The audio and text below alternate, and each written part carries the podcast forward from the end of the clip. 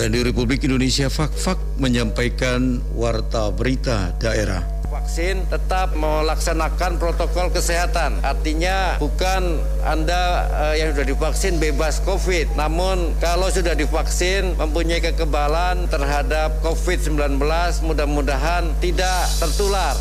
Kegiatannya kita sudah batasi gitu. Batasi dalam arti bahwa program yang kita harusnya laksanakan seminggu tiga kali itu kita sesuaikan dengan jadwal dari klub-klub gitu. Nah itu pun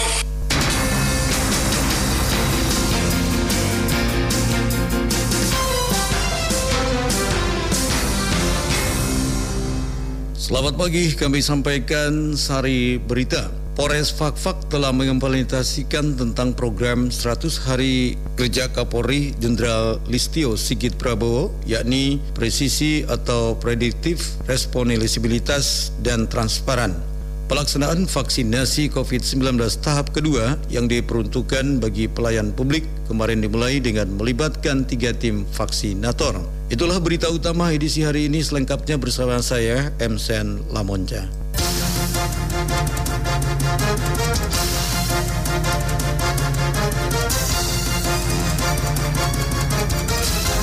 Kami sampaikan berita pertama.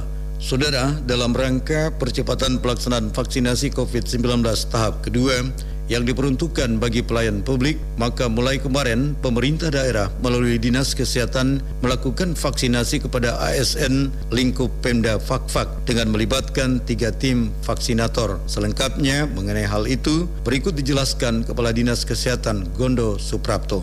Kita pemerintah Kabupaten Fakfak melaksanakan vaksinasi COVID-19 untuk pelayan publik. Pelayan publik itu dibagi menjadi TNI Polri, pegawai pemerintah pemerintah daerah Kabupaten Fafak dan juga nanti anggota DPRD dan petugas pelayan yang ada di bandara, pelabuhan dan juga nanti ada guru dan sebagainya. Kami Kabupaten Fafak untuk tahap 2 termin pertama ini mendapat alokasi vaksin sebanyak 1.500 dosis untuk dua kali penyuntikan yaitu penyuntikan pertama dan penyuntikan kedua nanti pada tahap setelah 14 hari dan kami mempunyai target untuk termin pertama ini sebanyak 585 orang. Mudah-mudahan target ini dapat tercapai dan Bapak Ibu semua nanti akan divaksin. Tapi kita terkendala dengan pengiriman atau penyediaan vaksin sehingga mudah-mudahan dari pusat atau provinsi dapat mengirim vaksin dengan cepat ke Fakfak hingga kita dapat melaksanakan vaksinasi untuk pelayan publik di Fakfak semuanya akan kita vaksin. Untuk vaksinasi ini mereka yang sudah divaksin tetap melaksanakan protokol kesehatan. Artinya bukan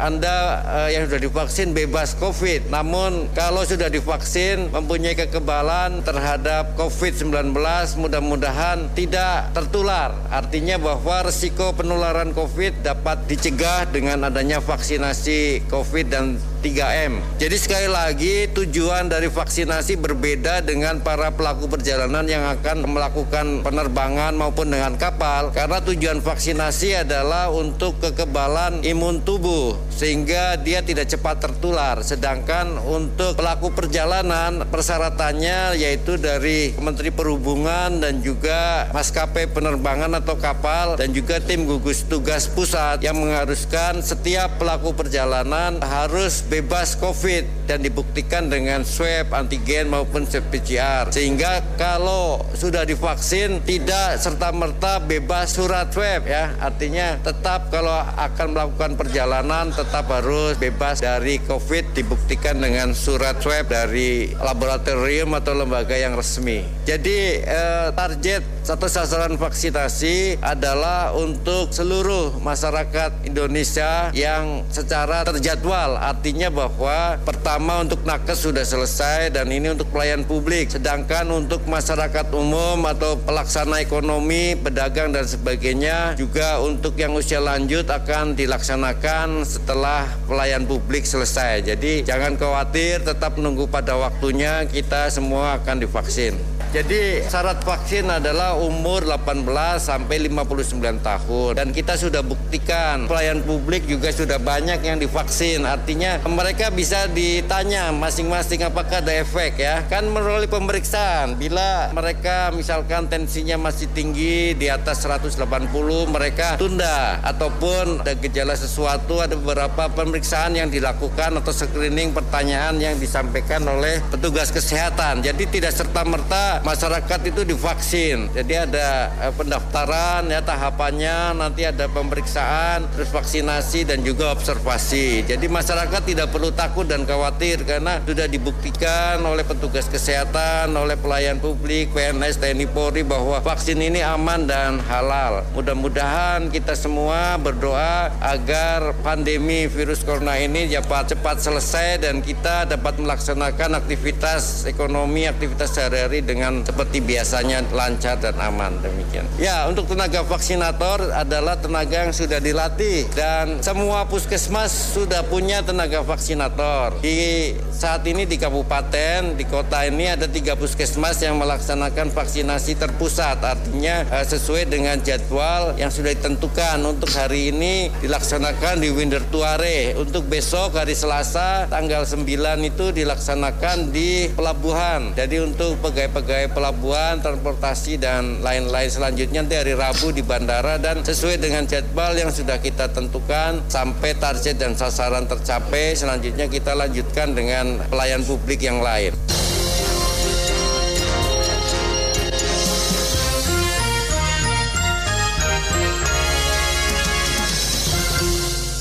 Saudara, Polres Fakfak telah mengimplementasikan tentang program 100 hari Kapolri Jenderal Listio Sigit Prabowo, yakni persisi atau prediktif, responsibilitas, dan transparansi Program yang dilaksanakan Polres Fakfak meliputi PAMTIFA atau pengamanan aktivitas keagamaan di mana setiap hari Jumat dan Minggu melaksanakan pengamanan kiat keagamaan bersinergi dengan TNI dan organisasi kepemudaan. Babin Kantipmas Pala atau Babin Kantipmas Peduli Sesama lingkungan dan alam di mana Babin Kantipmas sebagai garda terdepan Polres Fakfak dituntut untuk dapat peka terhadap lingkungan di tempat kerjanya dengan mengedepankan empati terhadap sesama dan mengedukasi masyarakat tentang pentingnya menjaga kelestarian alam. Protas atau polisi ramah disabilitas yakni Polres Fakfak menciptakan lingkungan yang ramah disabilitas bukan hanya tempat kerja namun juga personilnya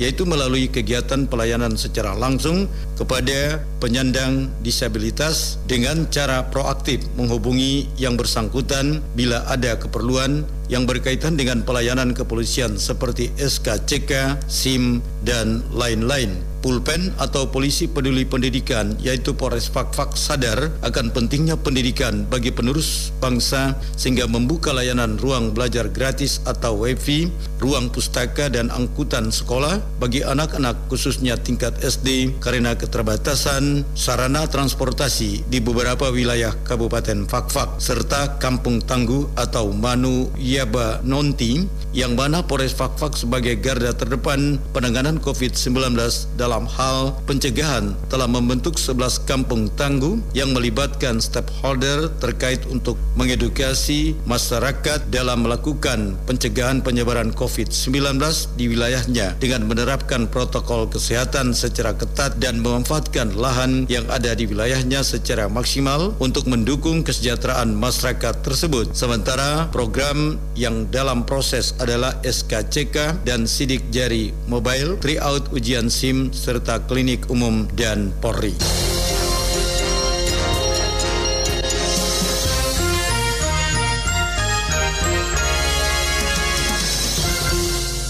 Keberadaan layanan kesehatan hewan di Kabupaten Fakfak diharapkan dapat membantu masyarakat yang mengalami masalah gangguan kesehatan bagi hewan peliharaannya, unggas maupun ternak. Kepala Bidang Peternakan dan Kesehatan Hewan pada Dinas Pertanian dan Ketahanan Pangan Kabupaten Fakfak, Rosita Laode Badi, mengatakan layanan kesehatan hewan pada Dinas Pertanian dan Ketahanan Pangan Kabupaten Fakfak memiliki berbagai jenis layanan dan pengobatan hewan, mulai dari pencegahan, observasi, rehabilitasi, pengobatan, perawatan hingga pemulihan kesehatan hewan. Dikatakan layanan kesehatan hewan yang ada di Dinas Pertanian tersebut memiliki tiga orang dokter hewan dan tujuh hingga delapan orang para medis. Menurut Rosita ada beberapa jenis hewan, ternak maupun peliharaan yang hingga saat ini telah ditangani oleh layanan kesehatan hewan Dinas Pertanian dan Ketahanan Pangan Kabupaten Fakfak. Sementara untuk pelayanan kesehatan hewan masyarakat dapat membawa hewan peliharaannya ke dinas tersebut maupun dengan panggilan melalui layanan telepon. Selain itu, dengan adanya layanan kesehatan hewan di Kabupaten Fakfak diharapkan dapat membantu permasalahan kesehatan hewan seperti kurang nafsu makan atau gangguan penyakit lainnya.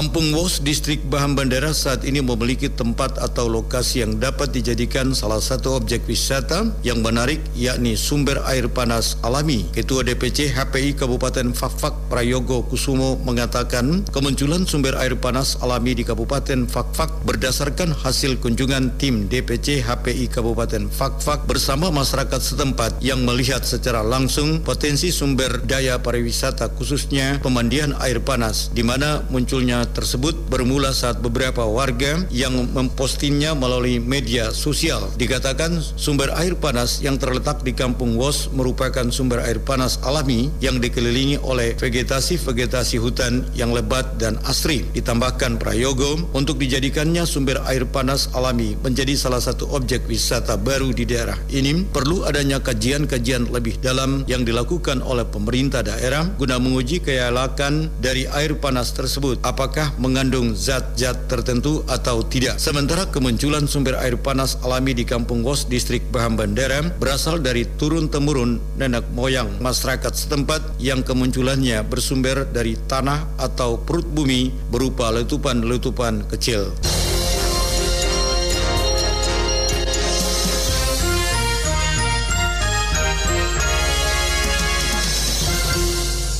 Warta berita daerah ini tengah disiarkan Radio Republik Indonesia Fak-Fak. Pemerintah Kabupaten Kaimana secara resmi telah mengumumkan hasil CPNS formasi tahun 2018 yang sempat tertunda. Guna mengantisipasi hal-hal yang tidak diinginkan, maka pengumuman tersebut ditempelkan pada tiga titik yakni Polres, Koramil Kota, dan Polsek Kota Kaimana. PLT Kepala Badan Kepegawaian Sumber Daya Manusia BKSDM Kabupaten Kaimana, Olivia Engelin Henry Tite Asanai membenarkan hal tersebut. Dijelaskan alasan penundaan pengumuman hasil tes CPNS tersebut karena harus dilakukannya berkoordinasi kembali Kemenpan RI. Menurut Olivia, sesuai kuota kebutuhan yang dibutuhkan yakni 400 orang tetapi tetap merujuk pada presentasi 20% non OAP dan 80% untuk OAP. Sementara untuk pemberkasan dikatakan akan dilakukan setelah 14 hari karena menunggu payung hukum. Olivia berharap dari proses pengumuman, pemberkasan hingga proses payung hukum bisa berjalan baik dan bagi masyarakat untuk tidak termakan isu yang dapat memperkeruh situasi dan proses yang sedang berjalan. Anda masih mendengarkan RRI Radio Tangga Bencana COVID-19. Lembaga Penyiaran Publik LPP RRI akan kembali menghelat ajang bergensi bertajuk Pekan Tilawatil Quran PTQ tahun 2021. Untuk RRI Fakfak pelaksanaannya sesuai dengan petunjuk pusat yaitu dilakukan secara virtual melalui aplikasi Zoom yang dimulai pada 13 April 2021 mendatang. Sementara lomba ditayangkan secara live melalui YouTube RRI Fakfak. Ketua Panitia PTQ RRI Fakfak tahun 2021 Rosmina Daisin mengungkapkan untuk pendaftaran panitia membuka mulai 4 Maret hingga 10 April mendatang di mana pendaftarannya melalui link yang telah disiapkan. Sedangkan persyaratan peserta meliputi terbuka bagi masyarakat umum berusia mulai 17 hingga 30 tahun, menyiapkan scan KTP dan pas foto serta mengisi formulir pendaftaran. Sementara untuk jenis lomba yaitu tausiah baik di tingkat Satkerm maupun di tingkat Korwil, tema maupun materinya disesuaikan dengan aspek-aspek yang terkait dengan kehidupan sehari-hari di mana pokok materinya bersumber dari kitab suci Al-Quran dan hadis. Sedangkan untuk tingkat nasional, tema atau materi akan ditentukan melalui pengundian dan masih tetap bersumber dari Al-Quran dan hadis. Untuk lomba tafil Quran tingkat daerah maupun nasional adalah tafil 15 juz dimulai dari juz 1 sampai dengan juz 15. Pemenang dalam petiki tingkat Kabupaten Fakfak akan mewakili RRI Fakfak di tingkat nasional yang akan digelar di Palembang, Sumatera Selatan pada Mei 2021 mendatang. Petiki tahun 2021 mengambil tema melalui petiki LPP RRI kita tingkatkan nilai-nilai Al-Quran untuk membangun spirit generasi muslim milenial menuju SDM unggul Indonesia maju.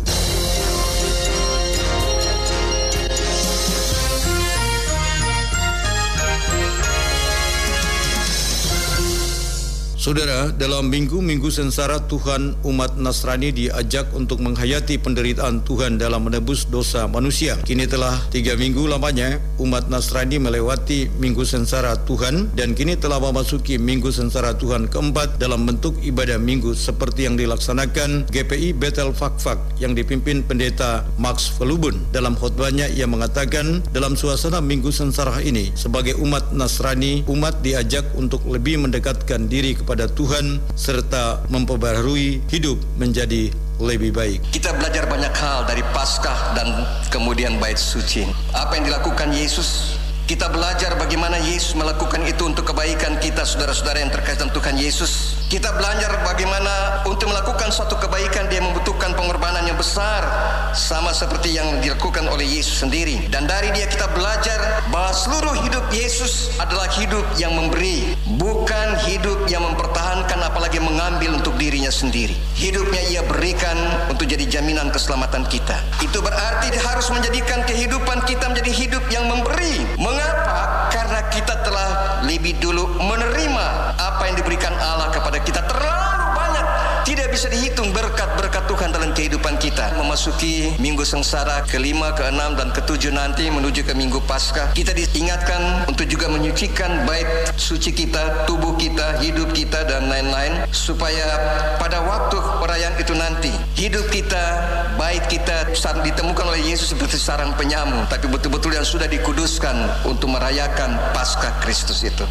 di lain khutbahnya, Pendeta Max Pelubun juga mengatakan dalam minggu-minggu sesara ini, sebagai umat yang percaya kepada Tuhan, diharapkan untuk menghayati pengorbanan Tuhan yang rela menebus dosa manusia. Pergumulan manusia dengan dosa tidak akan pernah berakhir apabila manusia mengandalkan kekuatan dirinya sendiri. Oleh karena itu, Pendeta Max Pelubun mengharapkan sebagai orang yang percaya, marilah bersama-sama memberikan diri untuk diperbaharui kembali oleh Tuhan.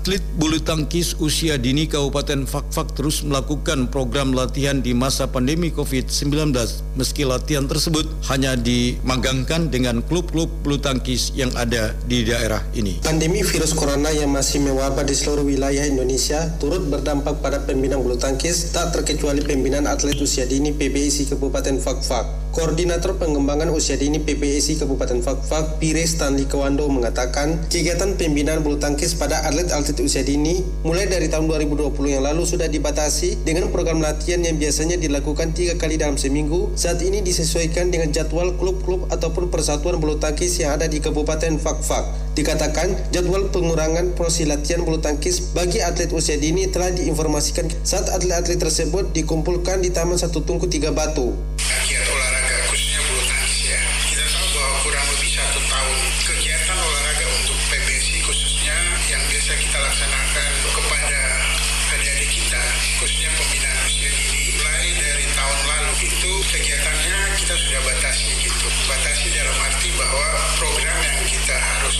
dilaksanakan seminggu tiga kali itu kita sesuaikan dengan jadwal dari klub-klub gitu. Nah itu pun kita sampaikan kepada mereka dalam hal ini anak-anak didik kita dalam hal pembinaan usia di Menurut Pirekwando, guna meningkatkan performa latihan dari atlet-atlet usia dini di masa pandemi COVID-19, bidang pengembangan usia dini PPIC Kabupaten Fakfak saat ini telah memagangkan atlet usia dini ke beberapa klub bulu tangkis meski hanya sekedar melakukan permainan ringan.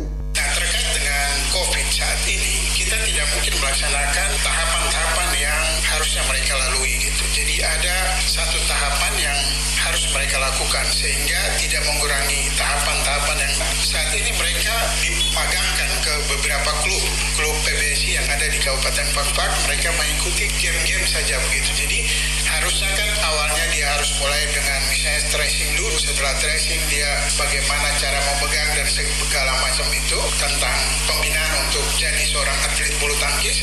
Setelah itu yang dilakukan untuk sekarang adalah mereka bagaimana melakukan game-game. Jadi kita megangkan misalnya dengan Asalam, dengan klub PBSI dari Bulldozer gitu. Anak-anak ini kita kasih mereka game bersama-sama dengan yang senior gitu. Ia menambahkan salah satu faktor yang dapat mempengaruhi kurangnya perkembangan dan peningkatan prestasi olahraga khususnya bulu tangkis adalah sistem pembinaan anak pada usia dini. Sebab apabila sistem pembinaan dapat berjalan dengan baik, maka perkembangan olahraga bulu tangkis juga akan lebih baik. Selain itu, ia juga berharap olahraga bulu tangkis tidak hanya terfokus pada pendidikan jasmani di sekolah saja, akan tetapi dapat mengupayakan program ekstrakurikuler sebagai wadah untuk melakukan pembinaan olahraga ini secara optimal. Januardi melaporkan. Saudara, sekian warta berita dari Pro 1 dari Fak-Fak untuk kesempatan pagi ini.